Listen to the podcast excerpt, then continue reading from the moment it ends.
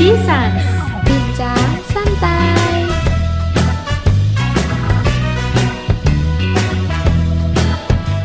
Halo pendengar setia podcast Bisans Masih bersama saya Rahmadius Waji Muhammad Khalid Khairullah uh, atau biasa dipanggil Iro.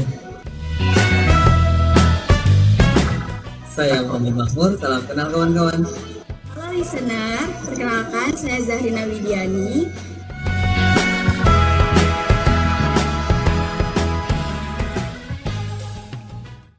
Sesuai judul podcast Bisans kali ini Kita akan berbincang santai ya. Namanya Bisans, bincang santai. Terkait organisasi dan akademik dalam pandangan mahasiswa baru. Nah tepat banget nih Gestar kita pada podcast kali ini yaitu mahasiswa baru angkatan 2021 Salah satu tujuan kuliah eh, tentunya membantu proses persiapan memasuki dunia kerja ya, apalagi di era digital seperti ini kita harus mengikuti berkembangnya zaman. Maka tuntutan skill pun eh, tak rasa juga harus diperhatikan menjadi suatu fokusan utama. Nah, eh, di revolusi era revolusi industri 4.0 ini baik skill maupun soft skill keduanya ini bisa kita dapatkan atau kembangkan selama menempuh bangku perkuliahan. Tapi bangku perkuliahan kan eh, tapi gimana ya? Banyak yang mengiranya itu di dalam kelas aja. Hanya teori-teori tetapi di sini teori itu hanya 30% saja. Jadi se- sebagai seorang mahasiswa 70% itu diambil pengalaman ataupun hard skill dan soft skill itu di luar perkuliahan gitu ya nah begitu banyak perdebatan sih yang antaranya pentingnya mengikuti organisasi dalam mengembangkan skill atau fokus menekuni kegiatan akademik aku mau mendengarkan sih bagaimana pandangan dari kawan-kawan mahasiswa baru ini terkait hal tersebut manakah yang akan mereka pilih atau kalian pilih dan mungkin nantinya akan kalian terapkan di perkuliahan selama masa kuliah ini. Uh, Oke, sebelumnya aku mau tanya nih ke Zahrina sama Makmur. Uh, apakah kalian pernah atau sedang mengikuti uh, sebuah organisasi atau kepanitiaan? Nah, jika pernah, apa nih peran atau kontribusi terbesar kalian dalam kegiatan tersebut? Uh, boleh Makmur? Mau dengar jawabannya? Bismillahirrahmanirrahim. Assalamualaikum warahmatullahi wabarakatuh. Terima kasih atas pertanyaannya. Eh, saya, baik, saya akan menjawab. Eh, dari beberapa organisasi yang saya ikuti, di antaranya itu ada pimpinan PD, pimpinan daerah Ikatan Pelajar Muhammadiyah, terus ada juga sebagai MDMC, juga sebagai ke anggota pengurus anggota anak Kabupaten Bitung Timur. Nah, di antara di situ paling eh, ada di antara itu yang saya kontribusikan yang paling saya pentingkan. Di antaranya itu saya menjabat sebagai sekretaris umum itu pasti eh, beban yang sangat yang saya pikul itu memang sangat berat ya. Lagi tentang organisasi seperti itu. Nah, di antara organisasi ini banyak yang harus kita kontribusikan.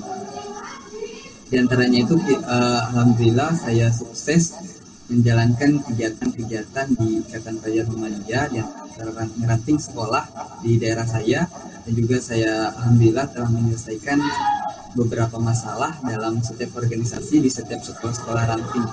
Nah, di situ eh, saya bisa menyelesaikan dan berkompromi langsung secara langsung oleh ketua-ketua pimpinan ranting sekolah masing-masing. Di situ kami mengadakan forum forum formal untuk menyelesaikan suatu masalah tersebut. Nah, itu aja sih kak kontribusi saya dalam organisasi.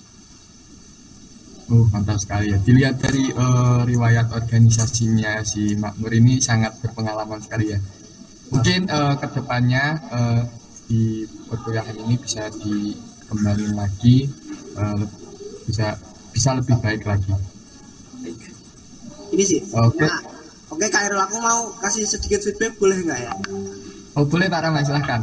Ini menarik banget sih karena apa ya? Kelihatannya sih pengalaman organisasinya cukup banyak juga sih. Aku mau tanya, kan pastinya di dalam suatu organisasi itu perbedaan pendapat itu tak rasa adalah hal yang wajar ya. Ya. itu itu untuk menciptakan suatu dinamika nah, dari makmur sendiri tipenya orang seperti apa sih kayak kalau menanggapi suatu perbedaan pendapat dari orang lain itu Nah, benar benar sekali itu kak. Setiap organisasi pasti mempunyai beda-beda pendapat. Nah, itulah fungsinya organisasi. Hanya diadakan setiap setiap minggu itu harus diadakan rapat. Nah, tujuannya itu untuk berdiskusi untuk evaluasi suatu kegiatan. Baik, setiap ada masalah itu uh, saya itu orangnya kan santai, santuy. Setiap masalah itu saya santuy menghadapinya segera relax aja. Pasti ada jalannya kok. Nah, oke, okay, jadi uh, sangat-sangat besar karena di antara itu uh, setiap pendapat ada yang tersinggung maka dia uh, izin leave dari organisasi itu kan saya langsung menahannya. Kamu kenapa keluar? Saya tersinggung dengan ucapan tersebut. Oh baik mari kita diskusikan terlebih dahulu untuk menyelesaikan masalah ini. Nah uh, di situ kami berbincang-bincang, berdiskusi untuk menyelesaikan masalah tersebut ya. Dan akhirnya, alhamdulillah dia terlulus juga untuk kembali lagi bergabung di organisasi. Makanya jadi setiap ada masalah itu, mohon yang apalagi sebagai sekretaris, apalagi di organisasi yang paling penting, mohon jangan panik untuk menghadapi masalah-masalah berbeda pendapat seperti itu. Kita harus santai saja untuk berdiskusi secara langsung oleh uh, yang bersangkutan tersebut. Itu aja sih kak. Iya sih sepakat banget sih. Karena apa ya seorang pemimpin ataupun orang yang mendampingi di dalam berorganisasi itu ada dua sih. Kayak mem, sebagai pendengar mau menempatkan diri sebagai pendengar dan bisa untuk meluangkan waktu. Kalau dua hal itu dijalankan ya semoga insya Allah lah seorganisasi itu akan berjalan dengan semestinya cukup sih dari aku Kak Irul bisa dilanjut ke Zahrina oke Zahrina silahkan Oke, saya sambung ya kak. Kalau saya nih sekarang ini belum ada ya untuk organisasi karena masih baru juga gitu. Tapi saya punya pengalaman nih waktu SMP SMA. Spill nggak nih kak? Spill dong. Spill dong, spill guys. Saya, saya spill dari yang paling muda dulu nih waktu saya SMP. Jadi waktu saya SMP tuh saya uh, jadi ketua dewan kerja Galang Pramuka di SMP saya. Kontribusi terbesar saya di situ adalah mengkoordinir kegiatan rutin latihan kepramukaan dan menyusun materi kegiatan. Setelah itu juga uh, melakukan pengkaderisasi untuk generasi seterusnya gitu sebagai penerus DKG-nya gitu. Terus saya juga pernah jadi ketua panitia acara Perdisami untuk tiga angkatan uh, kontribusi terbesar saya di situ adalah saya sebagai pencetus dan penanggung jawab acara gitu. Jadi saya itu orang pertama yang ngajuin uh, adanya kerjasama di sekolah saya gitu kak. Setelah sebelum-sebelumnya tuh nggak ada yang berani gitu buat ngajuin. Terus saya juga diminta untuk jadi buat rundown acara. Terus saya tuh juga ngerasa uh, kayak ngerangkap hampir semua koordinator gitu kak. Karena menurut saya mungkin teman-teman saya mikir kalau saya tuh udah banyak pengalamannya gitu. Jadi kalau di lapangan juga saya yang ngatur di acara juga saya gitu dan perlengkapan juga saya gitu jadi kayak wah hampir semua saya yang handle gitu terus kalau waktu SMA saya ikut ekstrakurikuler mading karena saya uh, suka atau tertarik sama dunia jurnalistik gitu di situ peran kontribusi terbesar saya adalah saya sebagai ketua dari ekstrakurikuler itu ini sih yang paling fase yang paling challenging ya kak karena anak-anak ikut ekstrakurikuler itu kan motivasinya suka naik turun gitu ya. Nah di situ tuh saya tuh uh, berhasil, alhamdulillahnya gitu berhasil nangkul teman-teman walau, uh, walaupun motivasinya naik turun gitu ya. Tapi tetap bisa ngejalanin uh, penerbitan dan penerbitannya tetap ditunggu-tunggu gitu sama teman-teman di sekolah gitu sih kak. Wah keren sekali ya Kak Rama dari Zahrina ini. Dia uh, itu kalau boleh tahu uh, gimana rasanya itu pas waktu uh, kamu mencetuskan apa itu acara Sami itu kayak perasaan kamu itu gimana kayak uh, pertamanya awal-awal tuh kayak grogi atau gimana atau takut atau takut salah atau itu gimana? pastinya pertama takut sih ya kak karena juga harus ngomong sama pembina-pembina dan guru-guru di sekolah gitu terus sempat juga dilarang gitu kan beberapa kali sama guru cuman alhamdulillahnya bisa ngatasin gitu jadi ya antara senang gugup takut juga gitu karena takutnya juga nanti pas acaranya nggak berjalan nggak berjalan lancar gitu tapi alhamdulillahnya lancar ya bagus sih dari Zahrina mungkin Mbak Rama ada tambahan Pak Oke. Udah cukup sih kalau dari aku. Oh ini ini. Tadi kan menyampaikan kader-kader gitu ya Zarina. Aku mau aku kepo sih. Kalau menurut kamu kesulitan apa sih kalau kita menyiapkan kader tuh?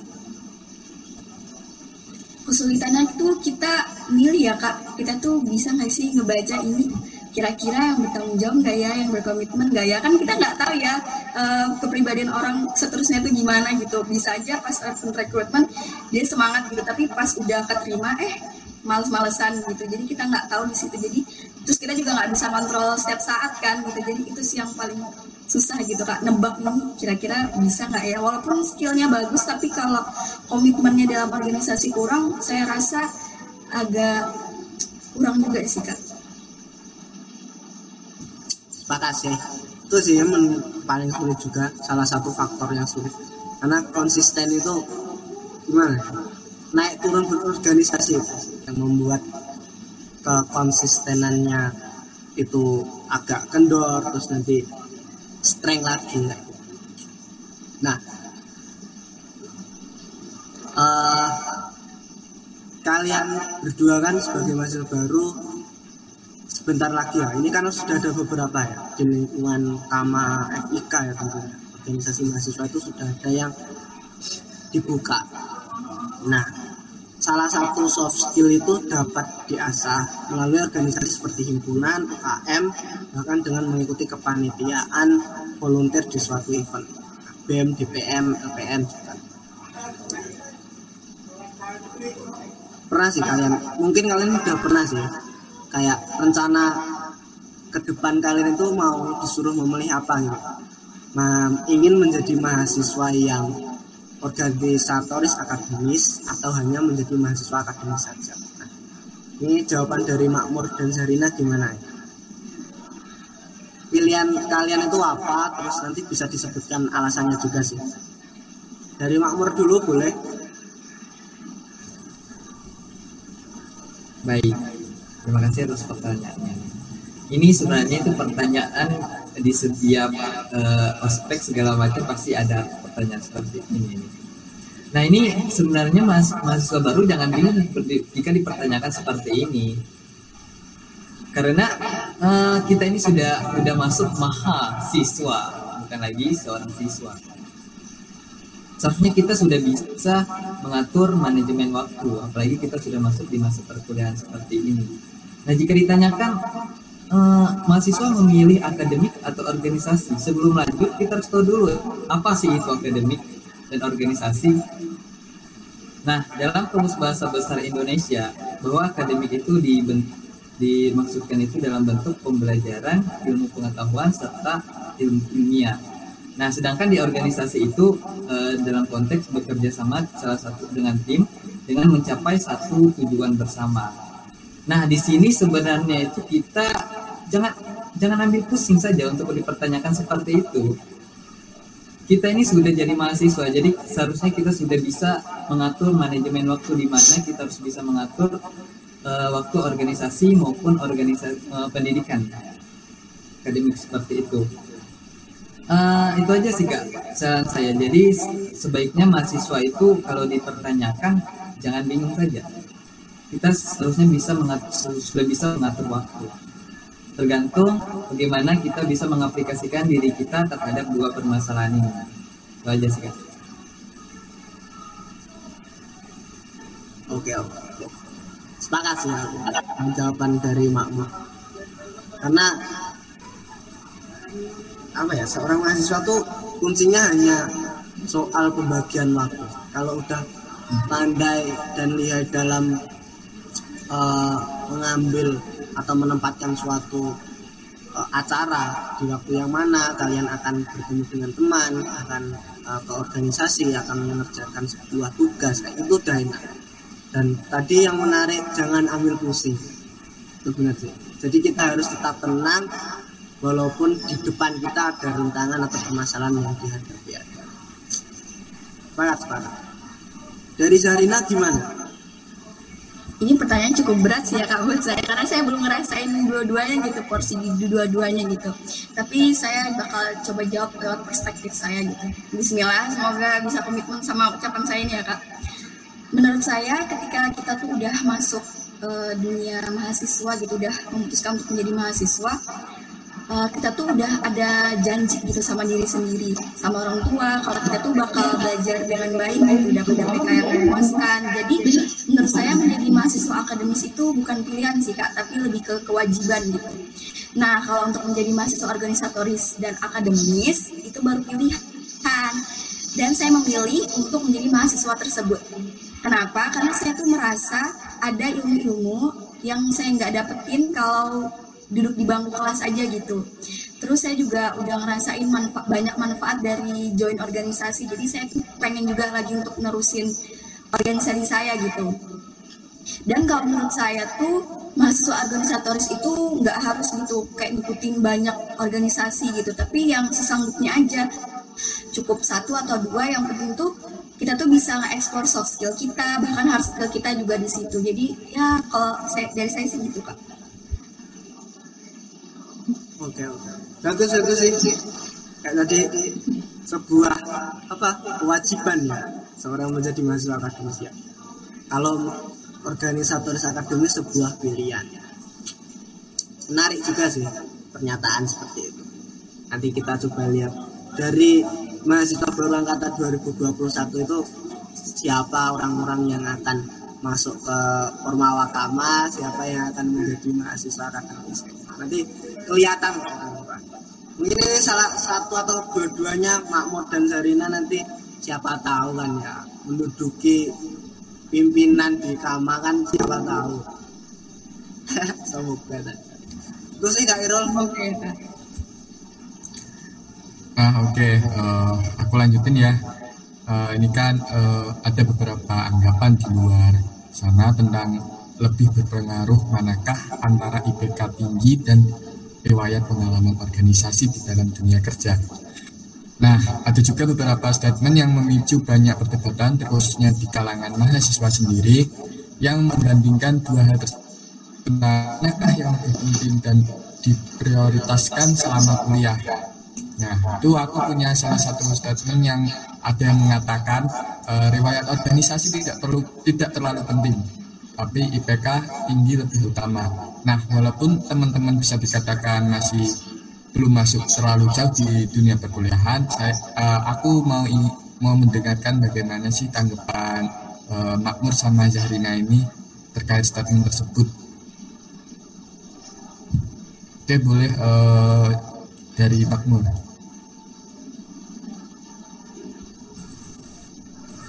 Baik, terima kasih atas pertanyaannya kak. Nah, ini sama juga ya sama macam pertanyaan yang tadi. Ini eh, menurut saya ini pertanyaan ini kurang koefisien, kurang efisien. Kenapa? Sebelumnya saya tanya dulu nih sama kakak-kakak Kak Rama sama Kak Irul. IPK tertinggi, IPK tinggi itu terjamin nggak sih dalam dunia pekerjaan? Oh, kalau dari aku sih enggak sih. Nah, eh, di situ kita bisa mengambil sih ya bahwa nilai IPK itu tidak menjamin tidak sebagai modal kita untuk terjamin di dunia pekerjaan. Di sini kita bisa mencari nih bahwa orang yang ber- orang yang ber- bahkan orang yang membutuhkan pekerjaan itu orang yang sudah berpengalaman. Nah, berarti tidak memungkinkan bahwa di sebuah pekerjaan itu hanya dimungkinkan hanya sebagai IPK tertinggi, bermodal IPK tertinggi, bukan. Itu menurut saya sangat salah sih ya orang beranggapan seperti itu. Karena di dalam dunia pekerjaan yang dibutuhkan itu selain IPK tertinggi, organisasi, riwayat organisasi juga sangat dibutuhkan. Benar. Karena mengapa? Karena di dalam dunia pekerjaan kita pasti banyak disibukkan dengan kerjasama dengan tim. Nah, kita per- percuma dengan IPK bermodal tinggi, namun cara kita bersosialisasi kepada sebuah tim itu sangat kurang. Nah di sini menurut saya itu sangat-sangat yang beranggapan seperti itu kurang efisien sangat sekali sih. Berpikirannya sangat rendah sekali kalau saya seperti itu. Ya benar sih, setuju banget aku sama Makmur. Karena ya di sekarang ini banyak juga yang kayak eh, suatu perusahaan yang ya mencari eh, orang-orang yang ya yang memiliki pengalaman banyak, bukan dilihat dari nilainya. Itu sekarang banyak juga. Tapi gini kan, tadi yang Hmm. disampaikan Makmur kurang lengkap. Apa tuh Pak? Ada yang kurang pengalaman dan harus berpenampilan menarik gitu. Oh, Betul ya, betul ya. good looking penting sekarang. Penting dong. Oke, kalau dari Zahrina gimana nih menanggapi statement tersebut? Karena saya punya kakak yang kumlat ya kak. Jadi saya ngerasa IPK tinggi itu penting biar nggak dibandingin. Nggak bercanda kak. Tapi di luar itu semua IPK itu memang penting gitu kak ya. Tapi bukan berarti pengalaman organisasi itu nggak penting gitu. Ibarat kata organisasi ini organisasi itu ibadah sunnah gitu ya. Terus IPK tinggi itu ibadah wajib gitu. Ya kan pasti ada beda perbedaan dong kak ya antara pahala orang yang ngerjain yang wajib doang sama yang ngerjain double gitu. Nah, sama juga gitu. Kan ada bedanya antara orang yang hanya fokus IPK tinggi dengan ngerjain kedua-duanya gitu. Tap, eh, jadi saya kurang setuju sama si sama stigma yang bilang seperti itu. Mungkin saya akan lebih setuju kalau diganti jadi aktif organisasi dan IPK tinggi. Kenapa enggak? Gitu sih kak, kalau dari saya. Oh, isi. Ya intinya kan eh, harus kita harus menyeimbangkan kedua tersebut karena eh, emang ya, kalau di Islam juga sesuatu yang berlebihan itu nggak baik. Benar kan Pak Rama? Sepakat.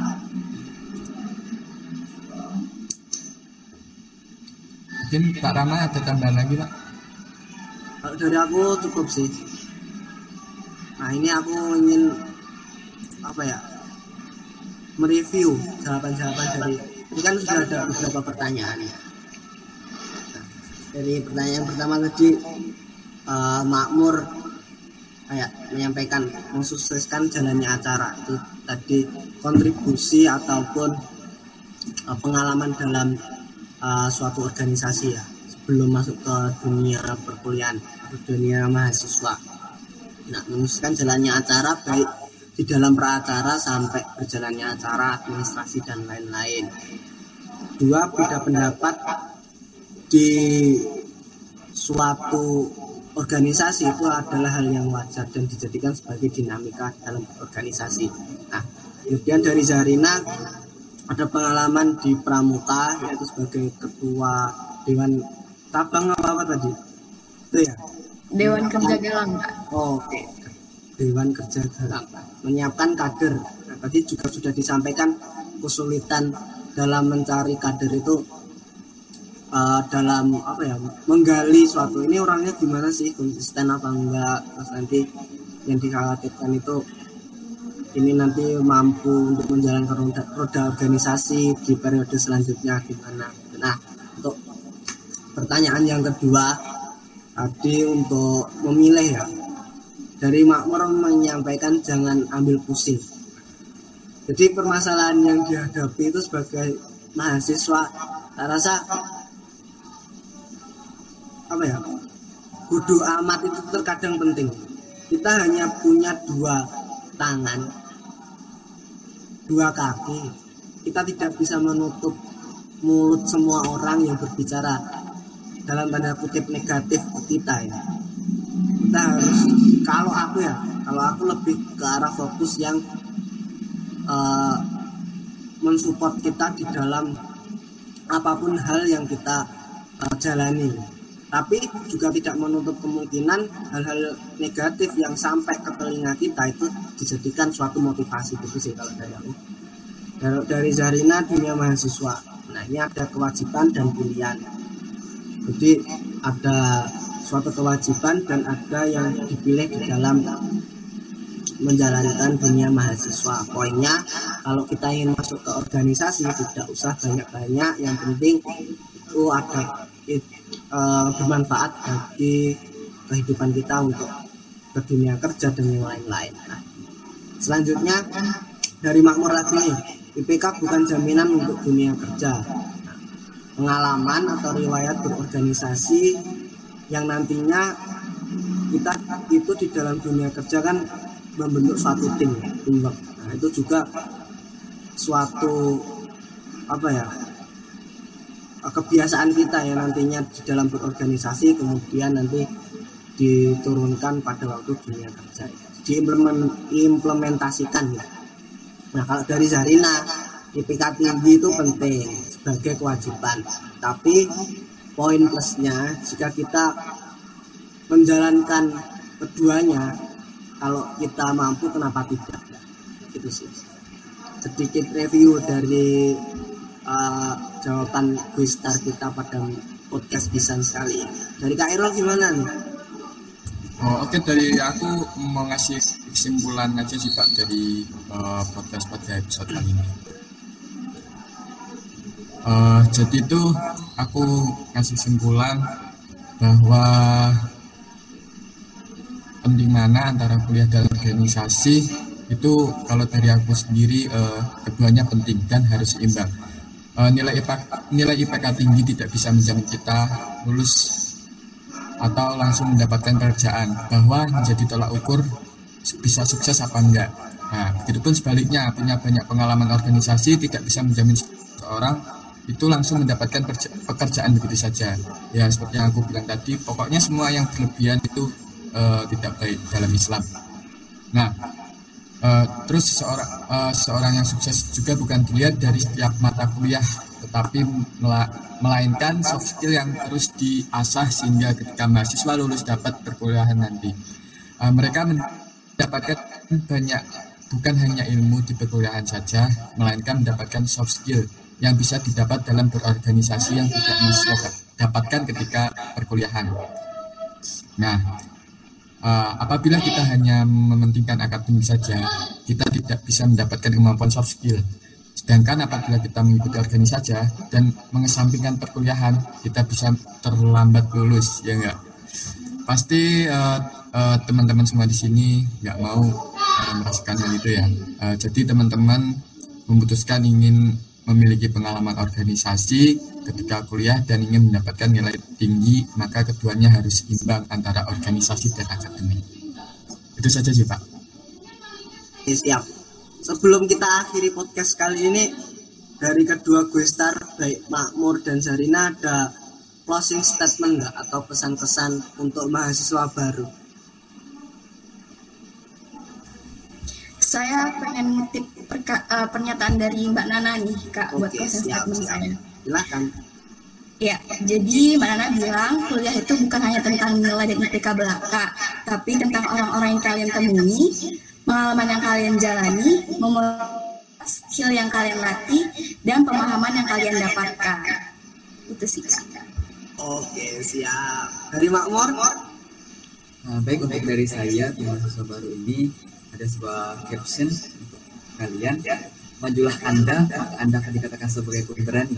Mundurlah Anda, maka Anda akan dikatakan sebagai pengecut. Untuk mahasiswa baru, mohon terus bangkitkan rasa semangat dan solidaritas sama kawan kita dan jangan berputus asa di setengah perkuliahan. Terima kasih.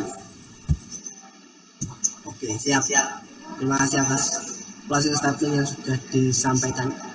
Nanti semoga aja di mahasiswa baru angkatan 2021 dapat menghidupkan apa ya uh, jiwa-jiwa kemahasiswaan atau sebagai mahasiswa itu tidak hanya memandang mahasiswa itu adalah orang yang uh, harus terus belajar dengan buku kita harus juga belajar dengan orang lain sekitar kita bagaimana cara memahami orang lain bagaimana cara kita berkomunikasi dan saya harap uh, dua orang ini dari mahasiswa baru sebagai perwakilan uh, orang-orang uh, besar yang lahir dari beban perjuangan. Amin. Amin, amin, amin. Cukup sekian podcast kita pada Bisan sekali ini dari BEM FIK UMS. Jangan lupa ikuti podcast kami di Instagram, YouTube, atau Spotify dengan mencari kata kunci tentunya BEM FIK UMS.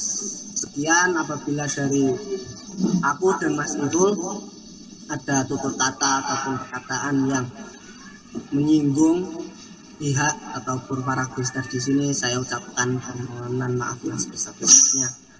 Akhir kata, bila bisa bilhaq, sabil khairat. Wassalamualaikum warahmatullahi wabarakatuh.